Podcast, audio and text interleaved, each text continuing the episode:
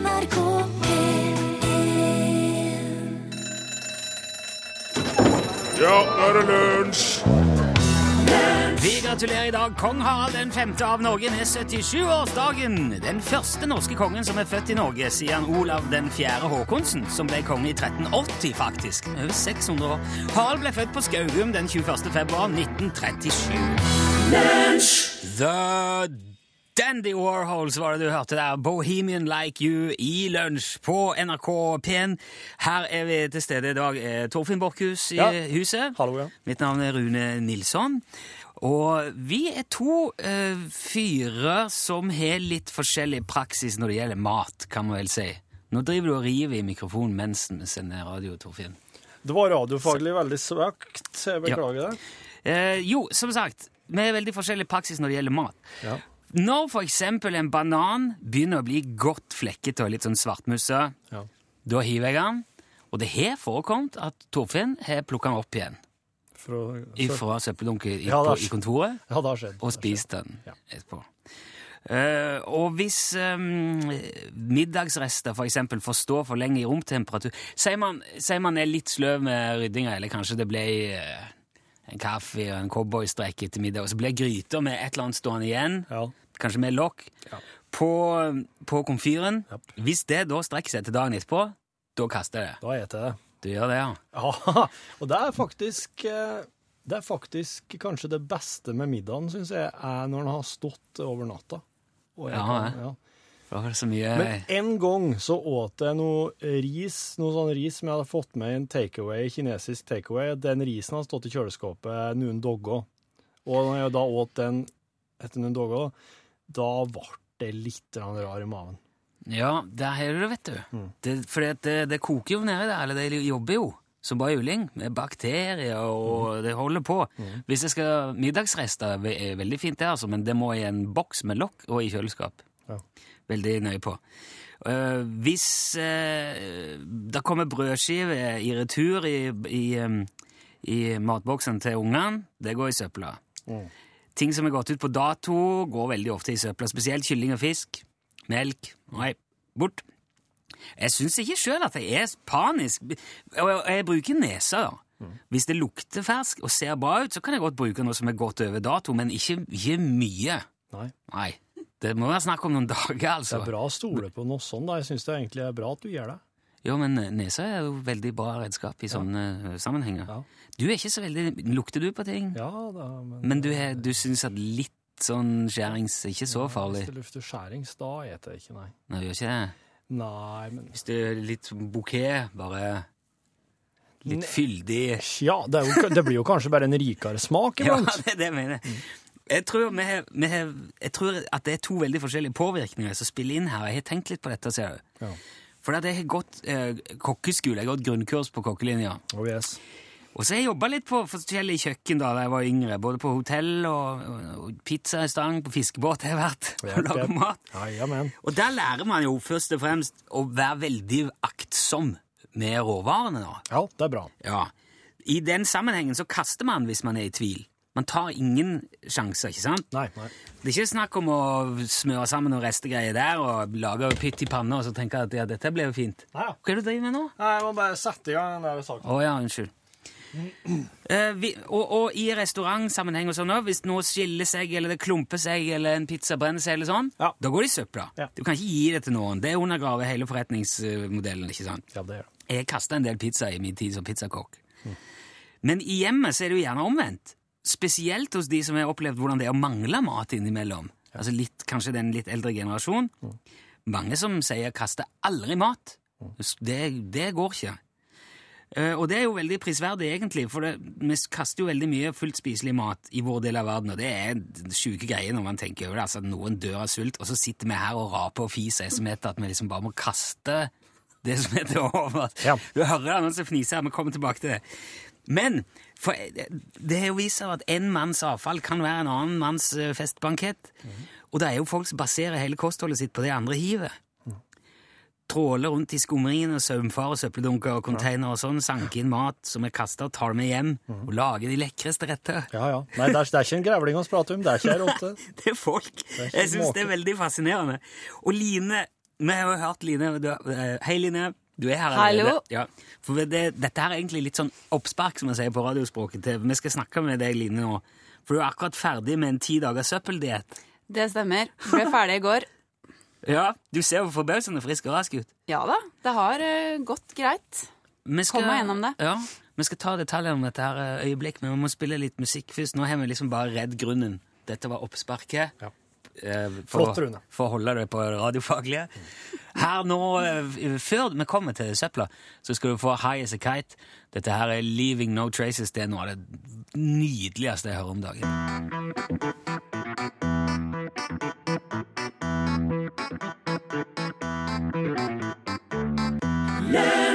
Ai, ai, ai. High As A Kite, og eh, låten heter Leaving No Traces. Du skal ikke, vet du, Hvis jeg skal kjøpe ei plate i år, så er det den, faktisk. For den er så bra. Oh, ja. Ja, men Jeg har bare sagt at det fytte rakker skinn og bein for ei plate. Enig. Ja, se, Line Jansrud, du er jo til vanlig eh, å se i Newton yep. på NRK. Programleder i Newton. Ja. Og, men nå er du her fordi at du har spist søppel i, tre, i ti dager. Ja, det er fint å komme på radio fordi man spiser søppel. Ja, Dette her er så midt i blinken for oss, for vi har jo han der eh, søppeldunken vår her, Torfinn. Ja. Og så er jeg kanskje den litt mer prippende. Så Torfinn fortalte om dette, her, så ble jeg med om men vi må jo bare ha det her for å liksom få slått fast, kanskje få rydda noen sånne ting av veien her. Det er jeg glad for. Hvordan har det vært for, først og fremst å spise søppel i ti dager? Du, det har vært litt opp og ned. For jeg har jo da, altså mm, Jeg vil si at det har vært en stigende kurve. I begynnelsen så var det litt uvant, for det er en del barrierer man må gå over. Ja. Man er jo vant til å kaste mat når den har gått ut på dato, men nå skulle jo i hvert fall 80-90% av det jeg spiste, det skulle da være ting som hadde gått ut på dato. Så det var en liten terskel å gå over. Ja. Og så var det jo det at jeg var nok litt uheldig med mitt første dykk, da, som man kaller det. Man kaller det jo å dykke i søpla. I, i miljøet. Ja, for da var det altså ganske tilgrisa, den emballasjen jeg fant, ganske tilgrisa. Så jeg fikk en litt sånn ekkel konteinerlukt inn i kjøleskapet. Selv om jeg vaska all maten med oppvaskkost og Zalo. Det gjorde jeg. Okay. Men etter hvert så ble jeg litt mer heldig med dykka, så da, og så blir man etter hvert vant til det. Så jeg vil si at de siste to-tre dagene gikk bedre enn de første. Men hvor går grensa liksom, mellom mat og søppel nå for deg? For jeg mener, Noe er jo fortsatt søppel. Du ser ikke på alt som en potensiell middag når du går forbi en søppeldunk. Nei. Jeg eh, har jo mest leita i konteiner utenfor butikker. Ja, ok. For der kan man finne ganske mye bra. Og det, er det pakka inn fortsatt og Ja, noe er det, og noe er ikke det. Det blir kasta veldig mye frukt, har jeg funnet ut. Og den kan være ganske ekkel, Ja. ikke sant? Eh, hvis du finner eple som da har masse sånn ekkelt som du ikke veit eh, på seg rundt på skallet, så går du ikke hjem og vasker det eplet. Nei, nei, nei.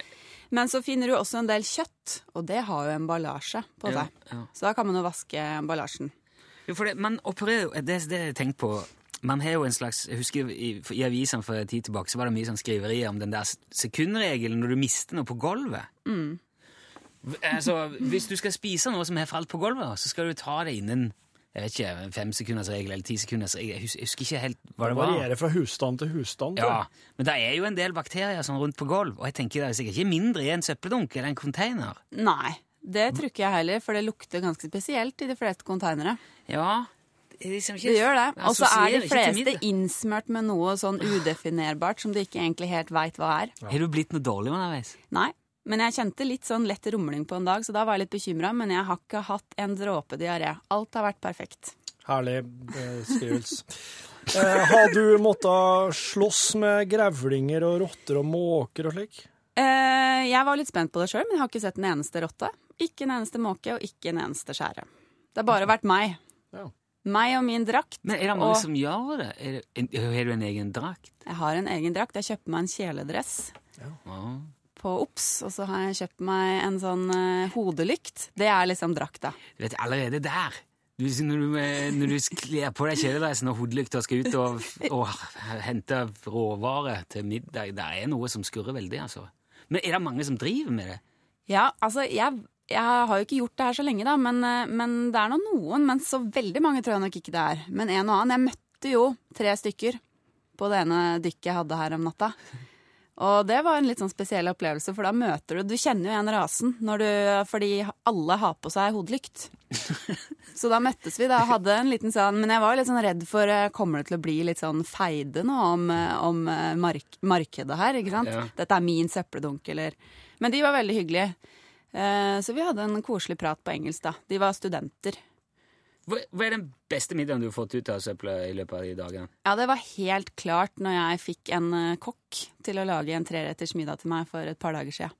Av noe du hadde funnet i søpla? Ta, alt var funnet i søpla. Ja, da, og hva lagde han for noe da? Da lagde den altså forrett. Da var det en sånn potet, eh, en sånn crispy potet i bånn, og så la han på var det, det var tre sånne, da. Så hadde han en med feta og sto litt sånn Jeg tror det var noe agurk inni. Og så var det en med leverpostei og litt paprika som vi hadde hakka opp. Og så var det en vegetar.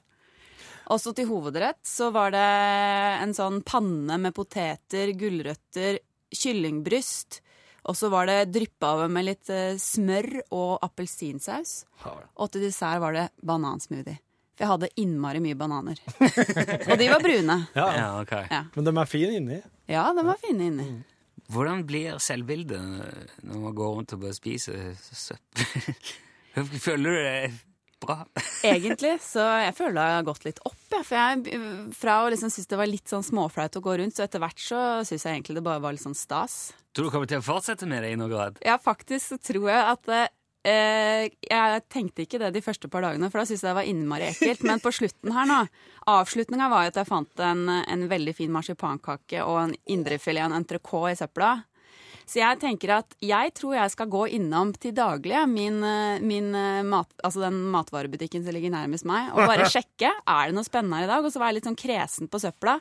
For det har jo ikke jeg kunnet vært, for jeg måtte jo bare spise søppel. Men liksom få et lite påfyll da, til det man kjøper. Er det lov?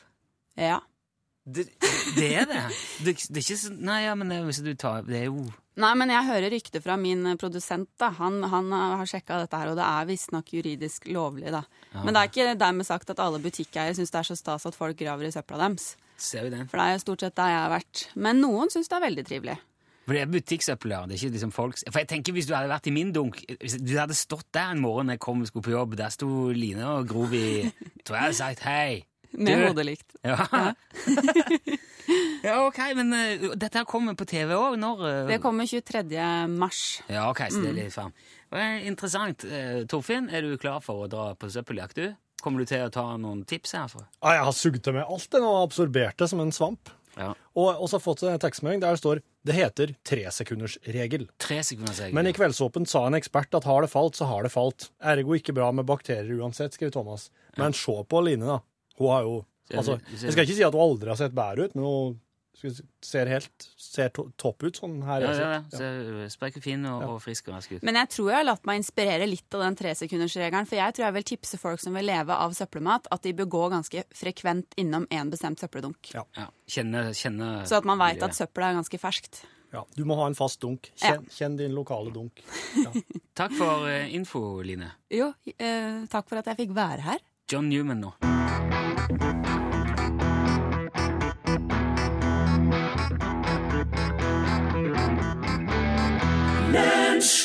Altså John Newman med sangen 'Love Me Again'. Eh, Du har hørt den her i lunsj i NRK P1. Rune er ute og henter seg en liten kopp Hei, du! Hvem i alle Det er Hatvig. Hei, ass!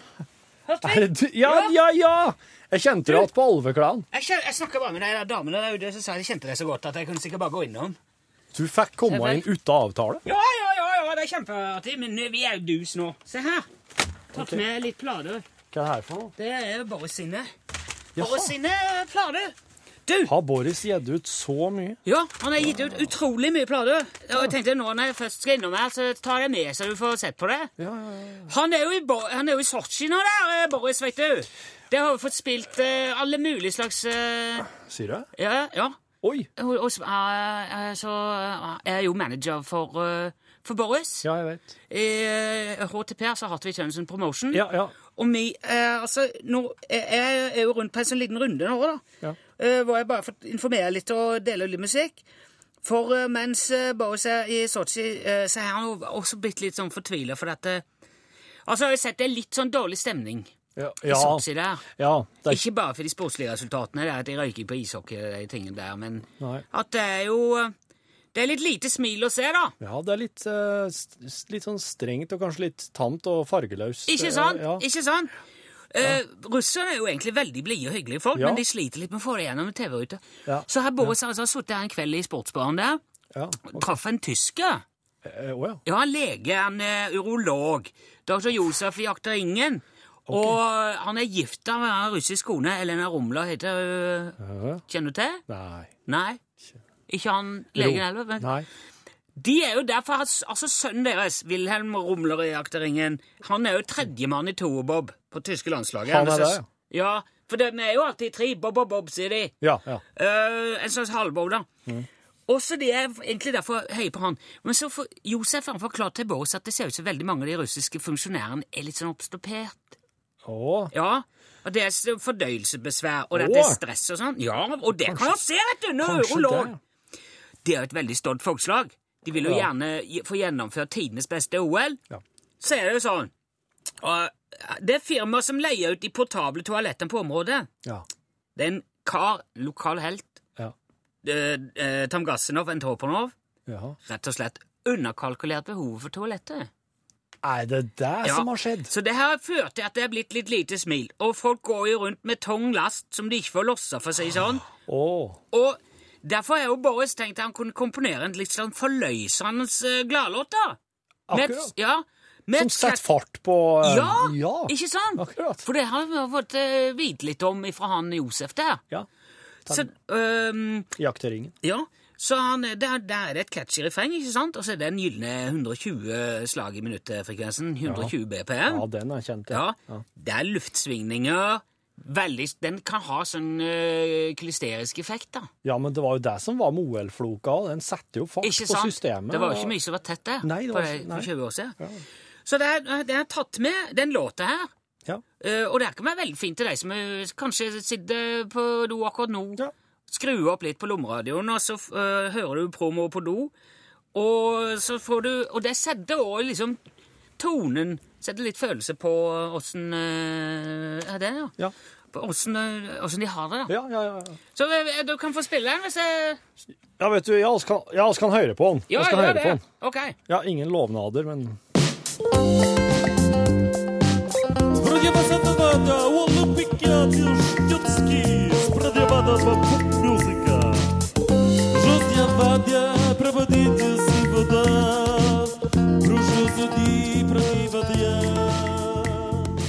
OK, men jeg hører at, jeg hører at det, det skjer ting i kroppen, vi eh, ned, ja. Hartvig. Ja, jeg tar den litt, Ja, jeg den litt ned. Ja, det er nå det begynner at over på Bobo. Ja, refrenget er utrolig. Det handler om eh, Det er jo en historie her som vanlig. Ja. Det er jo en kar som eh, som er vanskelig. Han Boris For- klarer ikke å logge ei låt som bare er litt sånn uh, tilforlatelig. Det, det må være ei ganske tung historie. Alltid historie. Det Ja. er russiske, russiske måten å Det gjøre er på. russisk, ja. Boris er jo egentlig født og oppvokst i Ulan Bato, altså i Mongolia. Å, Men det. han ble jo sendt til avlastningshjem i Russland da han var 11, så han føler seg veldig russisk. Ja. Han, jo, eh, han rømte derfra, men ble boende i Russland, så han glemmer jo ikke, ikke, Jeg glemmer jo ikke opprinnelseslandet, men Nei, det gjør ja. Men det er jo også veldig hyggelig da at uh, denne her låta her er jo faktisk plukka ut til å representere det mongolske bidraget i MPG Senior til våren. Så, oh. så han kan jo For han er jo eh, statsborgerskap i Mongolia. Så, Ja, altså, men da har vi jo egentlig hatt ei lita sånn premiere her i Lunsj. Kjempepremiere, Ja. kjempepremiere. Ja, kult. Men da kan du bare sette opp den, så du kan spille så mye du vil. Takk for det, Og da har du får jo resten av katalogen her, så Ja. er du Det er bare å spille, du! Jeg har kjempemye Ja. plater her. Jeg må dra, jeg skal innom en Ja. eh, 600-700 andre radiokanaler for å si- Norge. Det gjør ingenting, det, Boris. Men, men Hartvig, bare takk for, takk for at du kom. Like med Her her er, her er Elle Melle med sangen 'Du skulle vært her nå'.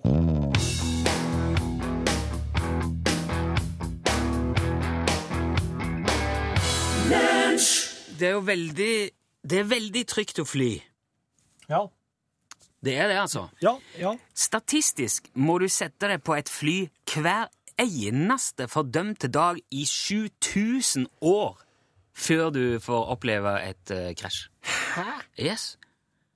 Vi flyr hver dag i 7000 år før Ja. du krasjer. Ja. Statistisk sett, altså, så, så langt er det mellom hver gang et fly ramler ned. At hvis du skal klare så- å få det til, så må du, så må du ta fly hver dag. Og så mange er det som flyr òg, for å si det på den måten. Enormt mye folk i fly. Det er jo, det er jo til hver tid i hvert fall ti milliarder mennesker i lufta til ethvert tidspunkt på dagen. Ja, Eller noe sånt. Som tok den med et saltutvinningssenter. der, Ja. Men så vinner jo folk i Lotto òg, da. Ja da. Det skjer jo, selv om det er sjeldent. Fly- og sikkerhetstiltak har aldri vært bedre enn de er i dag, men det er allikevel én ting man kan stusse litt på. Aha. Hvorfor Altså, i, i 1785 Ja. hoppa Sebastien eh, Lenormand ut av en varmluftsballong og landa trygt på bakken med en fallskjerm. Det er ganske lenge siden. Ja.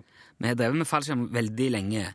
Til og med Leonardo da Vinci drev og tegna fallskjermer, men han var, ikke, han var ikke først ute med det engang. Så hvorfor er det ikke fallskjermer under setet istedenfor en flytevest? Skjønner du tanken? det- Altså, det virker Ja, mye mer logisk at det, det er en fallskjerm under setet. I, I et nødstilfelle, spenn på den fallskjermen og gå mot utgangen med, med en rolig måte. Skal, skal jeg, men kan jeg, kan jeg gjette? Du kan jo det er for at, for at, ja, det er for at jeg ser det bare når, når flyet lander på bakken, og, og, og lås setebeltelyset slokkes, så er alle oppe med en gang. Ja. Alle står der. Ergo, hvis at en skulle begynt med kontrollert fallskjermuthopping fra et fly øh, mens øh, det er i lufta, så hadde det verste i mennesket vist seg fram, og det hadde ikke gått. Det, nei, det det er faktisk det det er noen som har gravd i det og redegjort for dette. her. Og det er, det er faktisk flere grunner til at det, ikke er fallskjerm i fly. Okay. Men du, altså, er du enig i at det, kan, det kunne virke som en Nei, jeg syns ikke det hadde vært noe lurt, det. Nå undergraver du egentlig hele du, Jeg, skjø jeg skjønner ikke hvorfor det ikke er fallskjerm i fly. ja, det, Det må jo være det. Det er jo det jeg Hvorfor er det ikke si. fallskjerm i fly? Jeg Jeg liksom... krever fallskjerm i fly. Nei, det går ikke, ser du. Hvorfor ikke da? Nei, fordi først og fremst så må man ha trening for å hoppe i fallskjerm. Hvis hvem som helst og oldemor bare skulle stroppe på seg en skjerm i 20 000 fots høyde og hoppe ut av en Boeing 737, så ville de hatt veldig dårlige sjanser for å klare seg. Ja, det er sant. Ja. Det er veldig sant. Det er isende kaldt der oppe, og det er veldig lite oksygen. Hvis man hopper i fallskjerm fra mer enn 15 000 fot, må man ha med pusteutstyr. Du må ha tank og Oksygen. oksygenmaske. Ja.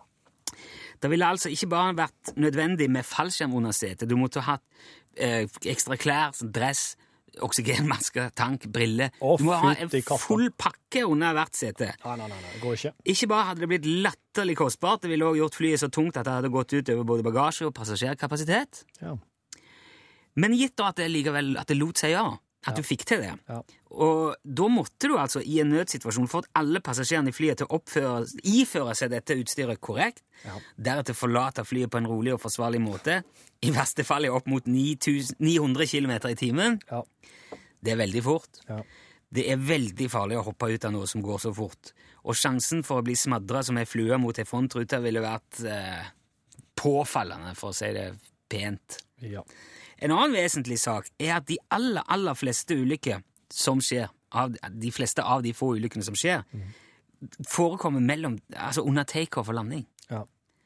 Veldig liten tid til å begynne å hoppe. Du kan ikke, ikke sant? ja. Nei. Skulle du begynne da, liksom rett over bakken, så, å, det holder på å gå, ta på falsk nei, det gikk ikke. Uh, men, der er um, en type fallskjerm som kanskje kan komme etter hvert. Oh. Og det er um, flyfallskjerm. Ja. Altså, til, altså en, en skjerm som er festet til selve flyet. Det er Ja. mye av det som er brukt på småfly, og det har redda liv allerede. da. Ja. Men eh, det må jo være en modder av en skjerm som, som skal kunne lande en 737, da. ja, det må det være. Men eh, det er folk som eh, mener at dette her skal være mulig, og det er jo ofte en god begynnelse. Sånne folk sier. Hvis folk mener det er mulig, da er det ofte mulig. Ja. Så nå vet du hvorfor det, ikke er, hvorfor det er flytevest og ikke fallskjerm. For noe må det jo være. Takk. Den flytevesten er vel heller ikke så mye. Jeg kunne lært det konfekteske under, kanskje. Det tror jeg hadde vært vel så greit. Men den, kanskje... den hadde vært tom, vet du. Ja. For hver flygning. Det er ikke godt.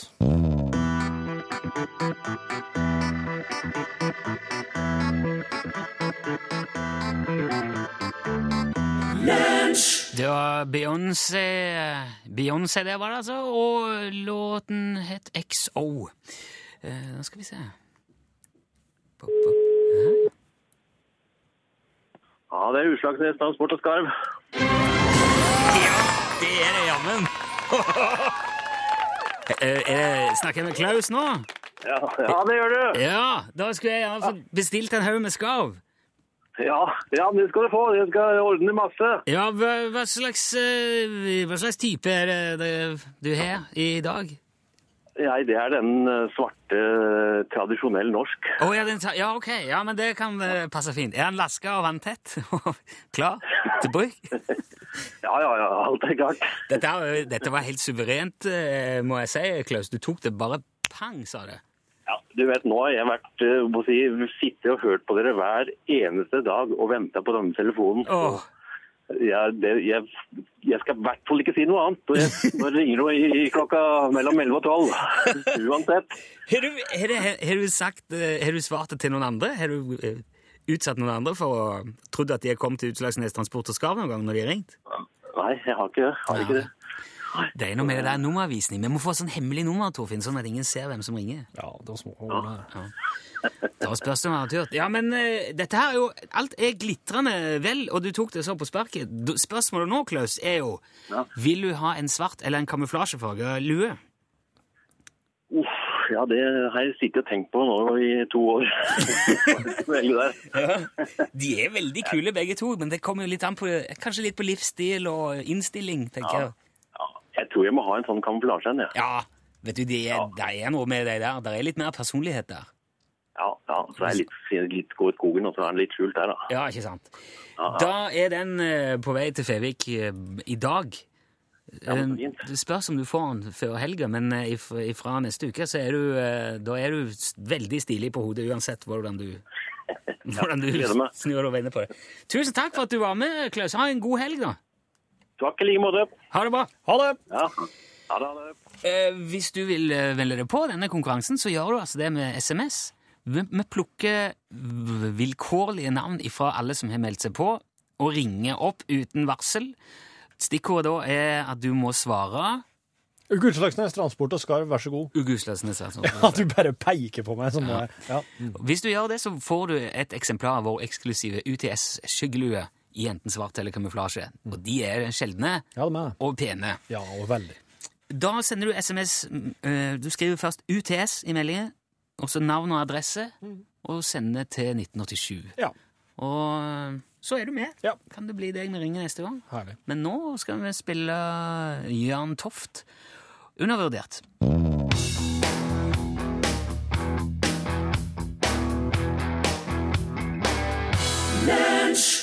Oh, Jan Toft, og selvfølgelig Ingebjørg Batland òg inni der med undervurder. Aldri undervurder! Aldri gjør det, Torfinn. Jeg, gjør ikke, jeg skal ikke. Jeg skal aldri gjøre det mer. Aldri noen gang. Er, jeg skal oppsummere litt. um, For eksempel uh, et punkt som kom uh, til seg til uh, Jeg lurer på om det var Jeg vil oppsummere litt ting denne uka her. Ja. Hei, historien om at fotoboksen tar manglende sikkerhetsbelte er en gammel vandrehistorie. Våre bokser i dag har følere i bakken. Regner ut antall aksler og hastighet. Tar bilde hvis det går for fort, og da skal forhjulet på, på bilen være på streken i veien. Motorsykler kan ikke tas da føreren ikke kan identifiseres ut fra bildet på hjelmen. Eh, Det kan være at boksen siler vekk sykler pga. kort akselavstand. Med vennlig hilsen sensurert. Eh, Det er, fa- for det Dette- fikk jeg ikke lov si. Ja, nei, men nå, nå hopper vi litt Det ble veldig tidsmaskin, for nå hopper du rett tilbake til noe vi prater om eh, Forrige uke, men jeg mener at eh, kanskje den e-posten kom litt i eh, etterkant. sjø. Ok. Så det var en veldig, veldig, relevant info om fotobokser som folk lurer på. For de tar med andre ord Det, det sitter ikke et eh, kamera og en laser oppi boksen der som, eh, som registrerer Nei, det er noe i på bilen. Det er i bakken. det ligger. Ok. Ja.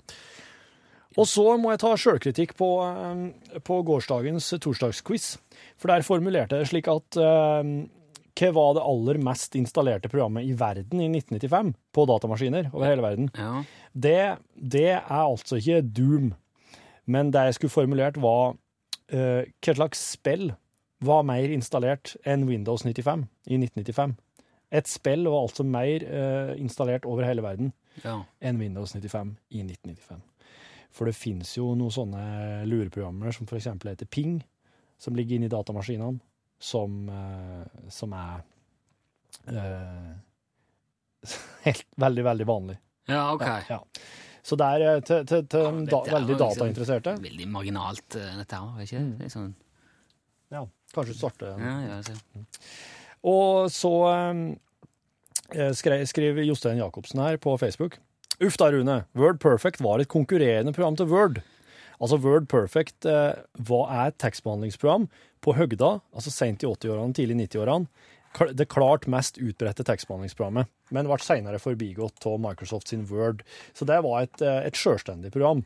Okay. Og kom oss vel i skade for å si at, eh, at uh, Word og Outlook kom med Windows 95, og det gjorde de ikke. De var noe frittstående da. Det er veldig marginalt mye av dette her, føler jeg. At, Men det siste spørsmålet syns jeg er veldig relevant. og Det er fra Ole Jørn Johansen. Hvordan blir årets eh, lunsjoppgjør? Kan oss forvente ei beskjeden økning? Lunsjøkning? Ja. Eh, nei, det tror jeg ikke. Men det er et eh, Vi må være, vise moderasjon i år. OK. Ja. Nei, men det var alt. Måtehold og forsiktighet. Ja. Og eh, det tross alt handler om å få skuta til å gå rundt. Ja. Og det gjør jo ikke hvis det blir et, eh, en veldig lønnsøkning. Nei, nei men da, det var vel egentlig det. Følger konsumprisindeksen. Ja. Her er Siri.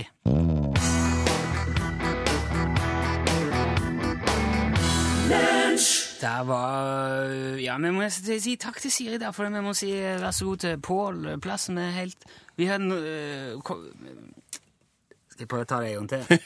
Vår tilmålte tid er omme. Ja. Det er på tide med norgesglasset Pål. Plassen Det stemmer, Rune. Og i går, vet du, eh, så fikk reporter Håvard 1814 Karlsen til å rødme. Han forteller jo om livet i grunnlovsåret 1814 utover denne våren i eh, norgesklasse. Og det som eh, er med Håvard, er at han er veldig lett å få til å, å rødme og være litt sånn eh, blyg, da. Eh, og i går, for i går da fortalte han om sex og samliv i 1814. Eh, og det eh, var jo interessant. Eh, det var jo veldig mye hemmelighold, blant annet. Eh, og så var det blant annet det her at eh, når du skulle flørte, så kunne du f.eks. som gutta stjele salmeboka til ei jente. Og når hun sprang etter det, da var det eh, en, ledd, en del av flørtinga. Og så var det veldig mye som foregikk utendørs. I dag så blir det litt mindre lystig, jeg er redd, men Håvard kommer han altså på besøk til Norgesklasse i dag for å fortelle altså om hverdagslivet i 1814. Kollega Tor Albert Frøsland, det er han som sitter med nyhetsoversikten. Ja, der sa han et sant ord. Hør flere podkaster på nrk.no podkast.